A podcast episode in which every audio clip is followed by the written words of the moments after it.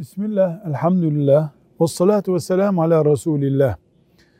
Derler ki silahla oynama şeytan doldurur. Bu söz dinen bir noktaya taşınabilir mi? Evet. Peygamber Efendimiz sallallahu aleyhi ve sellemin hadisi şeriflerinde silahla camiye girmek, insanların topluca bulunduğu bir yerde silahla, silahı kılıfına sokmadan dolaşmakla ilgili ikazlar var. Şeytanın bu tip ortamlarda silahı yönlendirebileceği şeklinde büyük manevi ikazlar taşıyan sözleri var Efendimiz sallallahu aleyhi ve sellemin.